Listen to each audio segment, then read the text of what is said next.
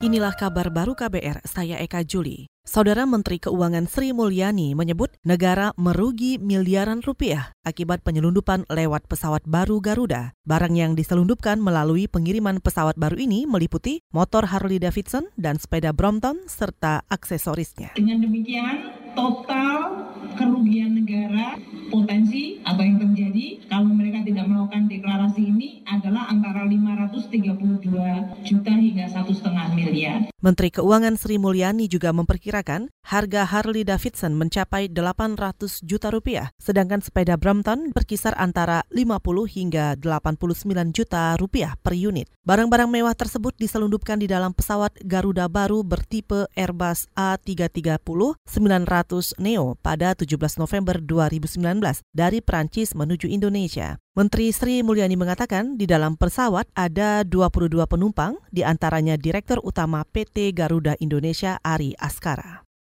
Kita ke soal Papua. Polda Metro Jaya gagal membawa barang bukti asli pada sidang pra peradilan enam aktivis Papua di Pengadilan Negeri Jakarta Selatan kemarin. Sidang itu beragendakan pembuktian termohon, yakni Polda Metro Jaya. Kuasa hukum Polda Metro Jaya, Nova Irone Surentu mengklaim ia telah berusaha meminjam bukti dari Kejaksaan Negeri Jakarta Pusat, tetapi hasilnya nihil. Karena kan ini sifatnya sudah dilimpahkan ke pengadilan.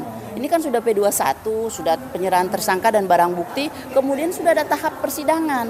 Sudah di tahap persidangan ini nanti mau disidang. Nah, ini sudah di di pengadilan, jadi kami harus pinjam karena tadi ini kok ini karena kan memang sudah di sini, jadi akhirnya kami harus upaya untuk pinjam untuk yang asli-asli, memperlihatkan asli. Itu tadi kuasa hukum Polda Metro Jaya Nova Irone Surentu. Kuasa hukum enam aktivis Papua menunjukkan bukti-bukti baru pada persidangan. Bukti yang disampaikan aktivis kepada hakim berupa video dan foto ketika penangkapan. Keenam aktivis Papua sebelumnya ditangkap Polda Metro Jaya di Asrama Depok. Mereka ditangkap atas tuduhan makar.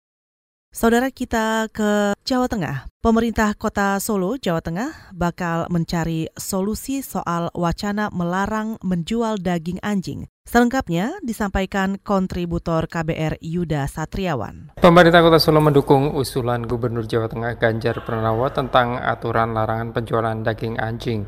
Wali Kota Solo Hadi Rudiatmo mengatakan upaya pelarangan itu juga perlu memperhatikan faktor kemanusiaan para pedagang kuliner daging anjing.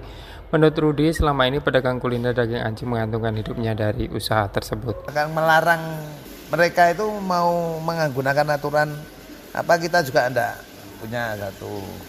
Karena sebelum ada aturan dan sebagainya itu saya belum lahir itu sudah ada dulu gitu loh.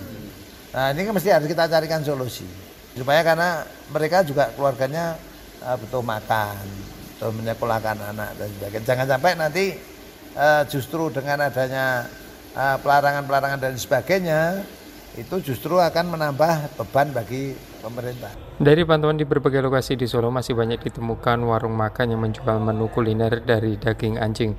Ada yang berupa tenda pedagang kaki lima atau PKL ataupun bahkan kios di pertokoan. Spanduk mereka secara terang-terangan menunjukkan identitas sebagai menu kuliner daging anjing. Langkah ini untuk menjelaskan kepada warga agar tidak salah paham karena dulu menu daging anjing ini populer dengan nama sate jamu. Dari Solo, Jawa Tengah, Yudha Satirawan, KBR.